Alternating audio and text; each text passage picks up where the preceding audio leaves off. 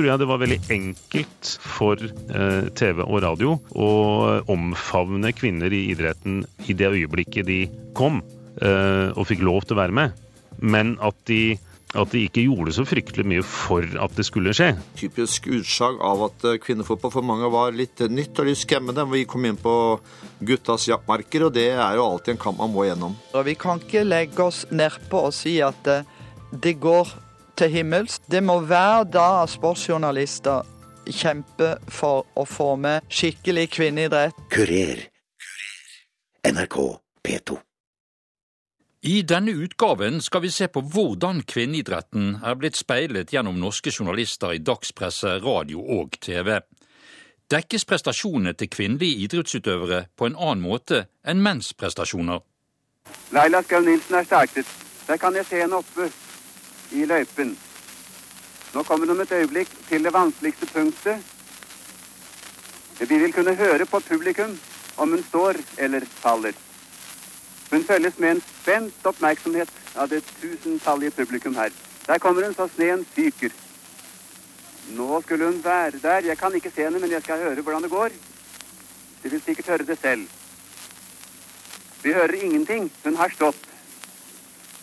Om et øyeblikk kommer hun til syne ved en hytte som ligger 100 meter ovenfor meg her, med en stigning på noe sånt som 50 meter. Der har vi henne. Nå tar hun siste svingen. Farten er ganske bra, men hun tar ingen sjanse på å miste portene. Der tok hun den og den der, ja. Hun har en meget bra teknikk. Der gikk hun gjennom den siste vanskelige post. Nå passerer hun Sletten. Har en utmerket fart. Ai! Der gikk hun over. Nå skal vi om et øyeblikk se hva hennes tid ble. Slik falt ordene til kommentator Eivind Strand i NRK da han dekket utfordelen av alpinkombinasjonen i Garmisch-Partenkirchen til Laila Skau Nilsen under vinter-OL i 1936. Høyst dannet og saklig, kan man si. Løpet ga da også Laila Skau Nilsen en bronsemedalje. Mangeårig sportskommentator i NRK, forfatter av boken om høydepunktene i radiosporten gjennom 70 år, og nå kommentator i fjernsynskanalen Seymour, Ave Fuglum, har studert utviklingen i kommentatorvirksomheten siden 1936. Da var det faktisk eh, et par kvinnelige norske deltakere som gjorde det veldig godt. Eh, Sonja Hennie naturligvis, og Laila Skau Nilsen som tok medalje i eh, alpint.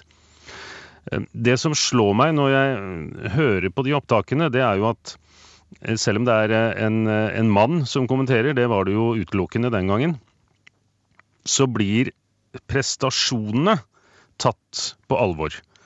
Det er ikke noe forskjell i hvordan man kommenterer en kvinnelig, en kvinnelig utøver framfor en mannlig. Altså hvis du da sier Sonja Hennie framfor Birger Ruud, eller Grøttumsbråten framfor Laila Skau Nilsen, f.eks.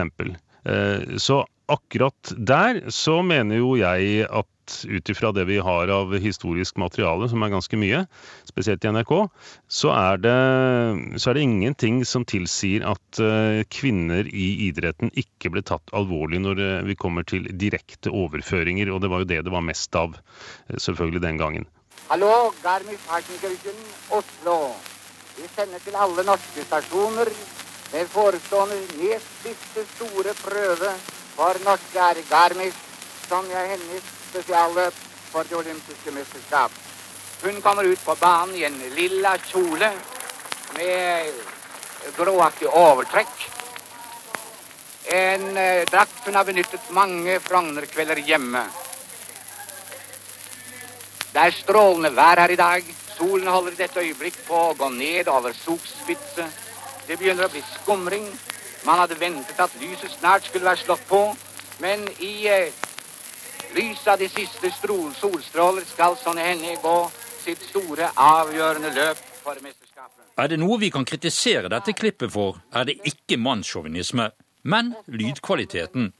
Den legendariske reporter Peder Christian Andersens måte å kommentere dette gulløpet til Sonja Hennie fra OL i Garmisch i 1936 er fylt med respekt og entusiasme.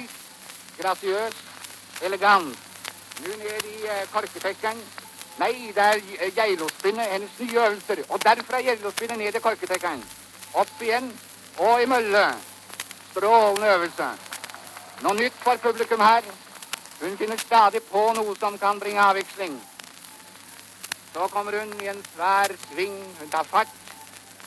Schæferhopp, schæfertrinn. Og så kommer uh, dobbelthoppe. Nydelig! Hun greide det med eleganse. Hun var nervøs for det i formiddag. Og så tar strippetrinn rundt. Og forberedelsene til uh, en korketekke til, nei, en mølle. Stående piruett blir det. Kjolen vifter rundt, den går fortere og fortere. Ah, nydelig. Programmet følger seg sammen til et storartet hele. Og så vinker dommeren av til avslutning. Nå kommer hun, hennes bekjente på tå, med benet helt ut i luften. Riperen, som vi kaller den hjemme, og som alle ungene i Oslo kjenner den. Men hvordan utviklet så sportsjournalistikken seg frem mot fjernsynets tid her til lands? Arve Fuglum. Det har jo veldig nøye sammenheng med hvor mange kvinner som var i uh, idretten, og i toppidretten i, uh, i, Norge. Og der fikk vi jo selvfølgelig en smell uh, pga. andre verdenskrig. Og det tok litt tid før vi fikk gode kvinner i eh, nasjonal og internasjonal idrett eh, etter krigen. Så jeg vil vel si at det sto stille så Det var ikke noe stor forskjell på midten av 30-tallet og midten av 50-tallet, for å si det sånn.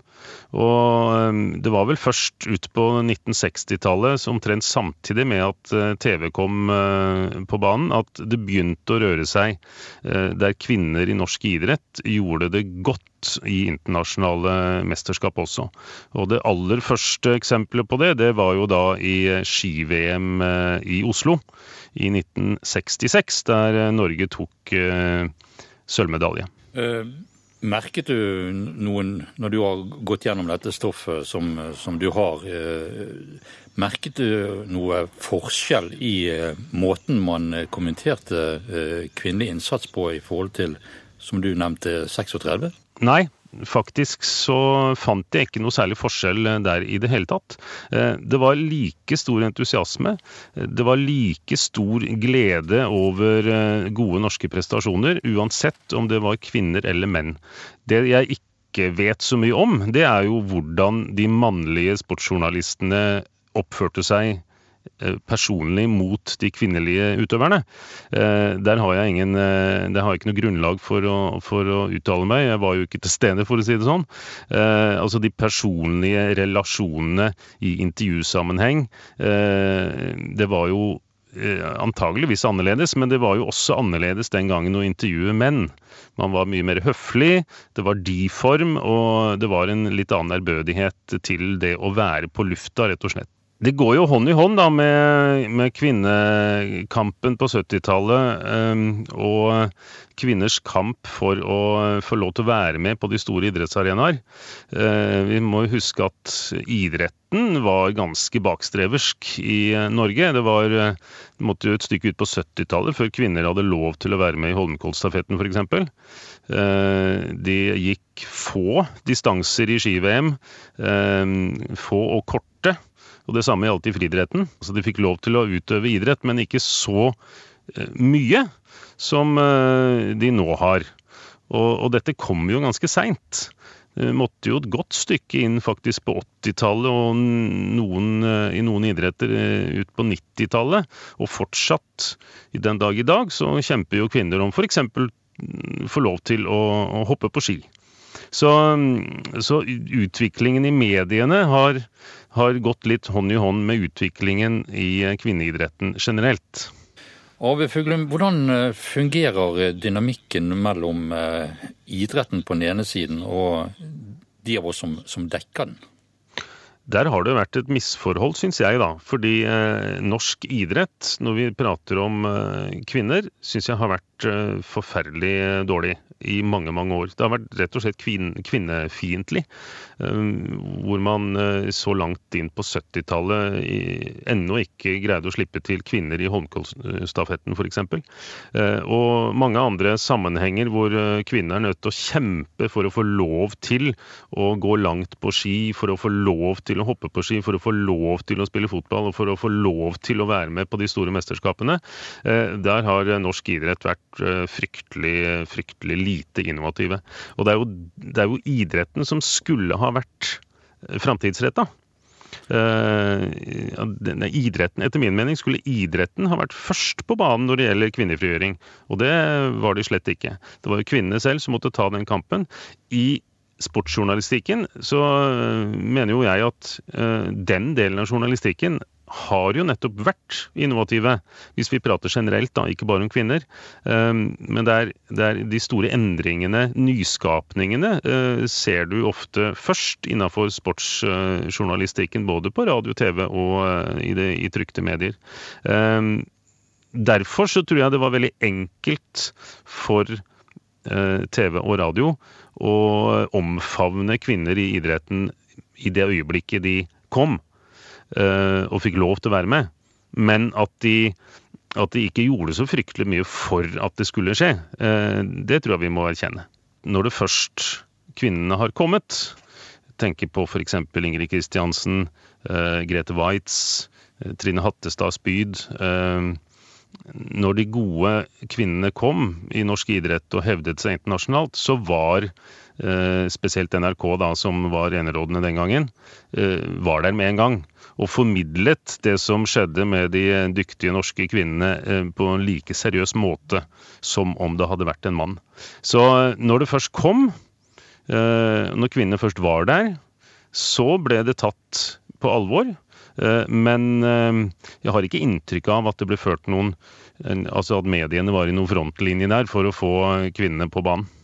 Så må hun gå forbi en tremannsgruppe igjen. 29-13. Der inne klokka. Jeg har 29,12,5. Jeg har 29,12,5. Og da er hun altså et halvt sekund foran rekorden sin idet klokka ringte. Og da legger vi vekk alt annet enn klokka. Og den som går på skjermen, det er den, eh, det er den offisielle tiden. Da ser vi på den, som selvfølgelig går like sakte eller fort som all annen klokke. 29,40 nede i svingen. 200 meter igjen idet Ingrid passerer Grete Kirkeberg for annen gang ved inngangen til svingen. Dette klippet er hentet fra Ingrid Kristiansens gulløp på 10 000 meter under EM i friidrett i Tyskland i 1986, formidlet av Ole Jakob Joseth. Året etter satte Ingrid Kristiansen ny verdensrekord på samme distanse under VM i Roma. Og da går ikke det, Ingrid Kristiansen. For der er verdensrekordtiden din ute. Den klarte du altså ikke. Men inn til europamesterskap på 10 000 meter for Ingrid Kristiansen på 13.23,09. Ja, Det er nok en ganske stor forskjell eh, i dag kontra 90-tallet.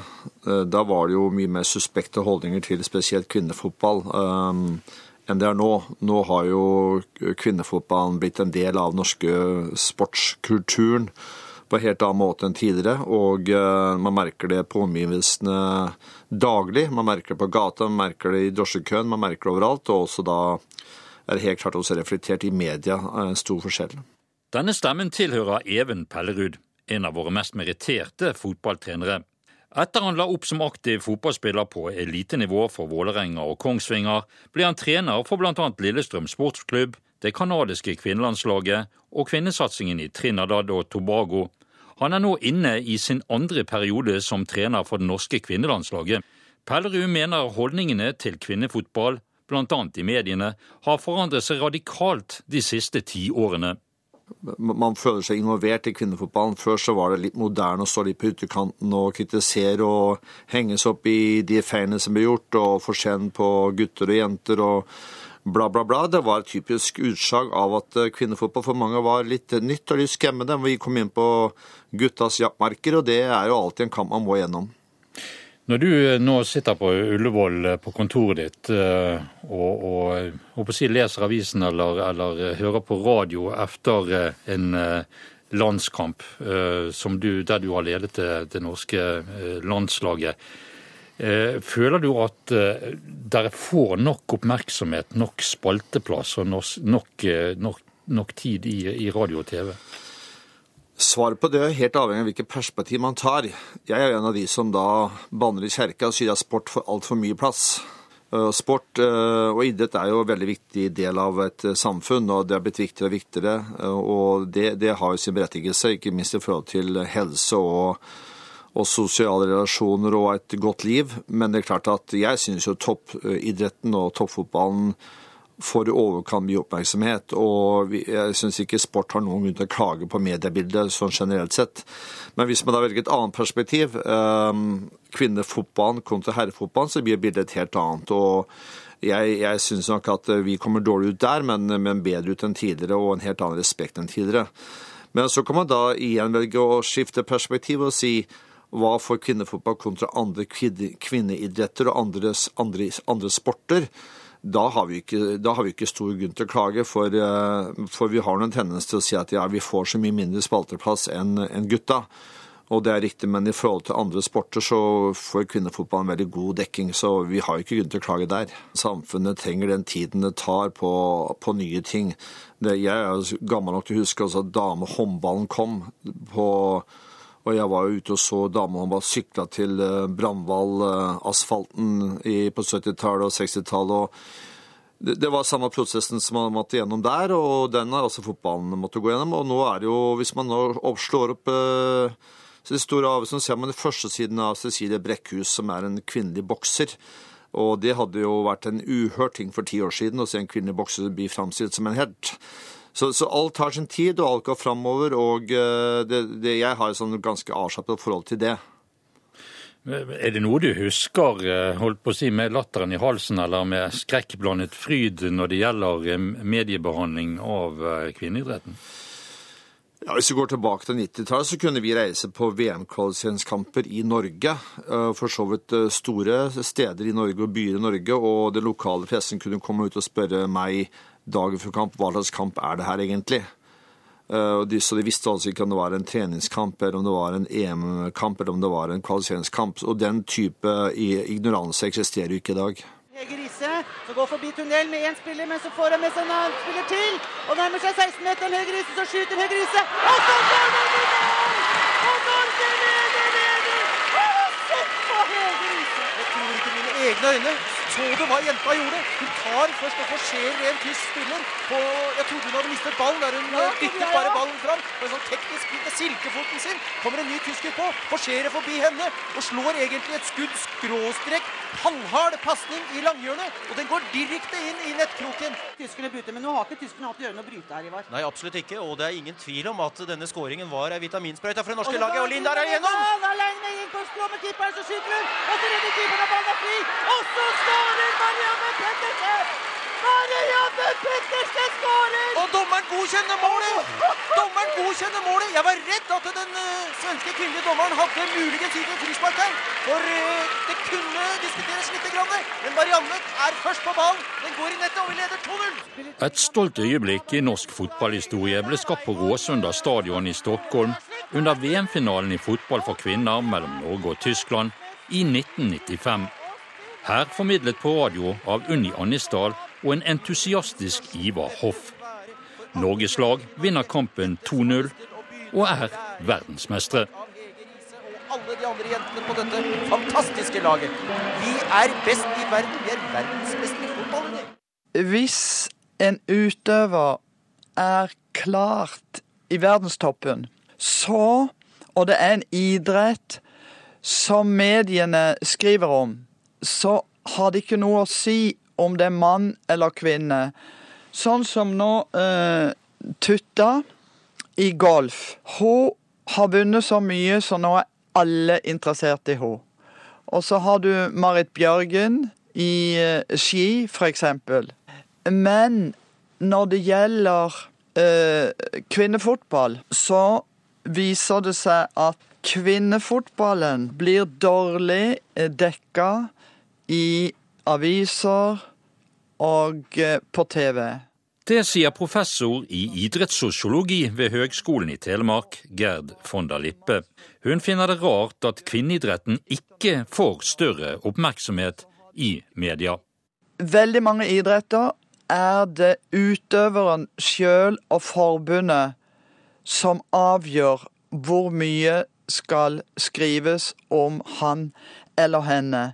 Men det er fremdeles måten det skrives på er litt forskjellig fra de to kjønn. Jeg har sett på eh, hva som skrives i Aftenposten, VG, Dagbladet, papir fra 1998 til 2008 om kvinnehåndballaget. Fordi at i kvinnehåndballen gjør det jo stort. Og i desember så er det i disse avisene kjempegod dekning. Eh, før eh, 2000-tallet så var det faktisk mest mer håndball, kvinnehåndball, enn ski og fotball i desember, når eh, kvinnene fikk gull. Så der er det kjempebra dekning. Men fremdeles blir det forskjell fra kvinner og menn. Mannfolk eh, som driver med håndball, de er krigere. Mens kvinnene er venninner. Og når det gjelder en trener som gjør det dårlig, så får jo både Breivik og gutta kritikk. Men det blir litt annerledes. Breivik beskrives som rødmusset. Det har jeg aldri sett om en mannlig eh, landslagstrener. Og eh, kvinnene eh, beskrives som eh, eh, skjør selvtillit. Så på det følelsesmessige så er det store kjønnsforskjeller fremdeles. Utviklingen går liksom mot de store høyder hele veien. Men det gjør det ikke her. Og det er ofte sånn at noen trender kommer først i USA. Så her har vi en jobb å gjøre. Vi kan ikke legge oss nedpå og si at det, det går til himmels. Det må hver dag sportsjournalister kjempe for å få med skikkelig kvinneidrett på en veldig god måte. Så igjen til Tonje, men da får Tonje frimerke med en gang hun kommer opp midten. Så kommer Karin Pettersen. Så får Karin Pettersen frikast. Med en gang Tonje, nei, Karin kjører mot Tonje og skal legge igjen til Tonje, så kommer en koreaner ut og markerer bort Tonje, slik at Tonje får ikke den ballen. Dette spillet her kan eh, koreanerne. Ja, og nå gjør Karin litt av en som gjorde første kampen, faktisk. Hun truer altfor lite. På rommet er for lite ego, og der var bedre. Så kommer Ingrid Steen, og så går Tonje eh, sakten opp, og så skårer Tonje! Der går Tonje rett opp i været på toeren og kliner ballen helt opp i vinkelen, og så leder vi 6-5. Tonje Sagstuen har mange triumfer som håndballspiller. Her hørte vi henne skåre under OL i Barcelona i 1992. I dag sitter hun i redaktørstolen i Oppland Arbeiderblad og kan følge sport med medias øyne. Det har vel slått meg noen ganger at uh, kvinnelige utøvere oftere blir bedt med på en del sånn ja, hva skal jeg si, reportasjer, uh, saker som kanskje handler om noe annet enn idretten, og særlig der du skal gjøre det litt morsomt eller litt søtt eller altså at du, du prøver å, å, dreie det bort fra det det egentlig dreier seg om. Um, så mener jeg òg der at det, er, det, må til sjuende og sist være opp til utøveren å, å sette grenser og, og finne ut hva, hva, han kan leve med. Fordi at klart medier ønsker jo alltid en større bit av deg enn det du kanskje er villig til å gi. Hoppjentene har jo vært et eksempel på det, der jeg tenker at mediene har vært greie å ha for, for hoppjentene som ønska mer oppmerksomhet, og som òg opplevde det veldig urettferdig. og og få ikke konkurrere på lik linje med, med menn. Eh, med min bakgrunn da, fra, fra, kvinnehåndballen, så har på en måte eh, den opplevelsen vært litt annerledes. fordi kvinner eh, har vært i front på, i håndballen og kanskje fått langt mer oppmerksomhet og, og vært toneangivende både i utvikling og i hvordan media har håndtert sporten. Da en idrettsarena er jo absolutt et sted hvor, hvor, kvinner, og kvinner som kanskje ikke har fått mulighet til å, å vise seg fram, kan konkurrere. Nettopp fordi at det er resultater, det er en mulighet til å, vise seg fram. Eh, så, så er jo medier skrudd sammen sånn at de som får størst oppmerksomhet, får også oppmerksomhet fra alle. Sånn at det er klart det er et nåløye å komme gjennom. Og en del idretter så er jeg helt sikker på at det er kvinner som opplever at det skal veldig mye til før enn du får oppmerksomhet, før enn du får støtte, og før en på en måte medier er villige til å bruke tid på deg. da så er nok Norge allikevel et land der, der jeg opplever at uh, kvinner har, har, vært synlige og hatt ei stemme ganske lenge. Da, sånn at eh, Vi så det jo senest nå i, i, VM i friidrett, var det vel, der en utøver, en kvinnelig utøver fra Iran stiller i, i burka. Eh, og, og, det er hennes mulighet da, til å synes. Og det er klart at opp mot det så har vi nok i Norge hatt helt andre muligheter, og, og kvinner har òg vært toneangivende, heldigvis, da, på mange områder.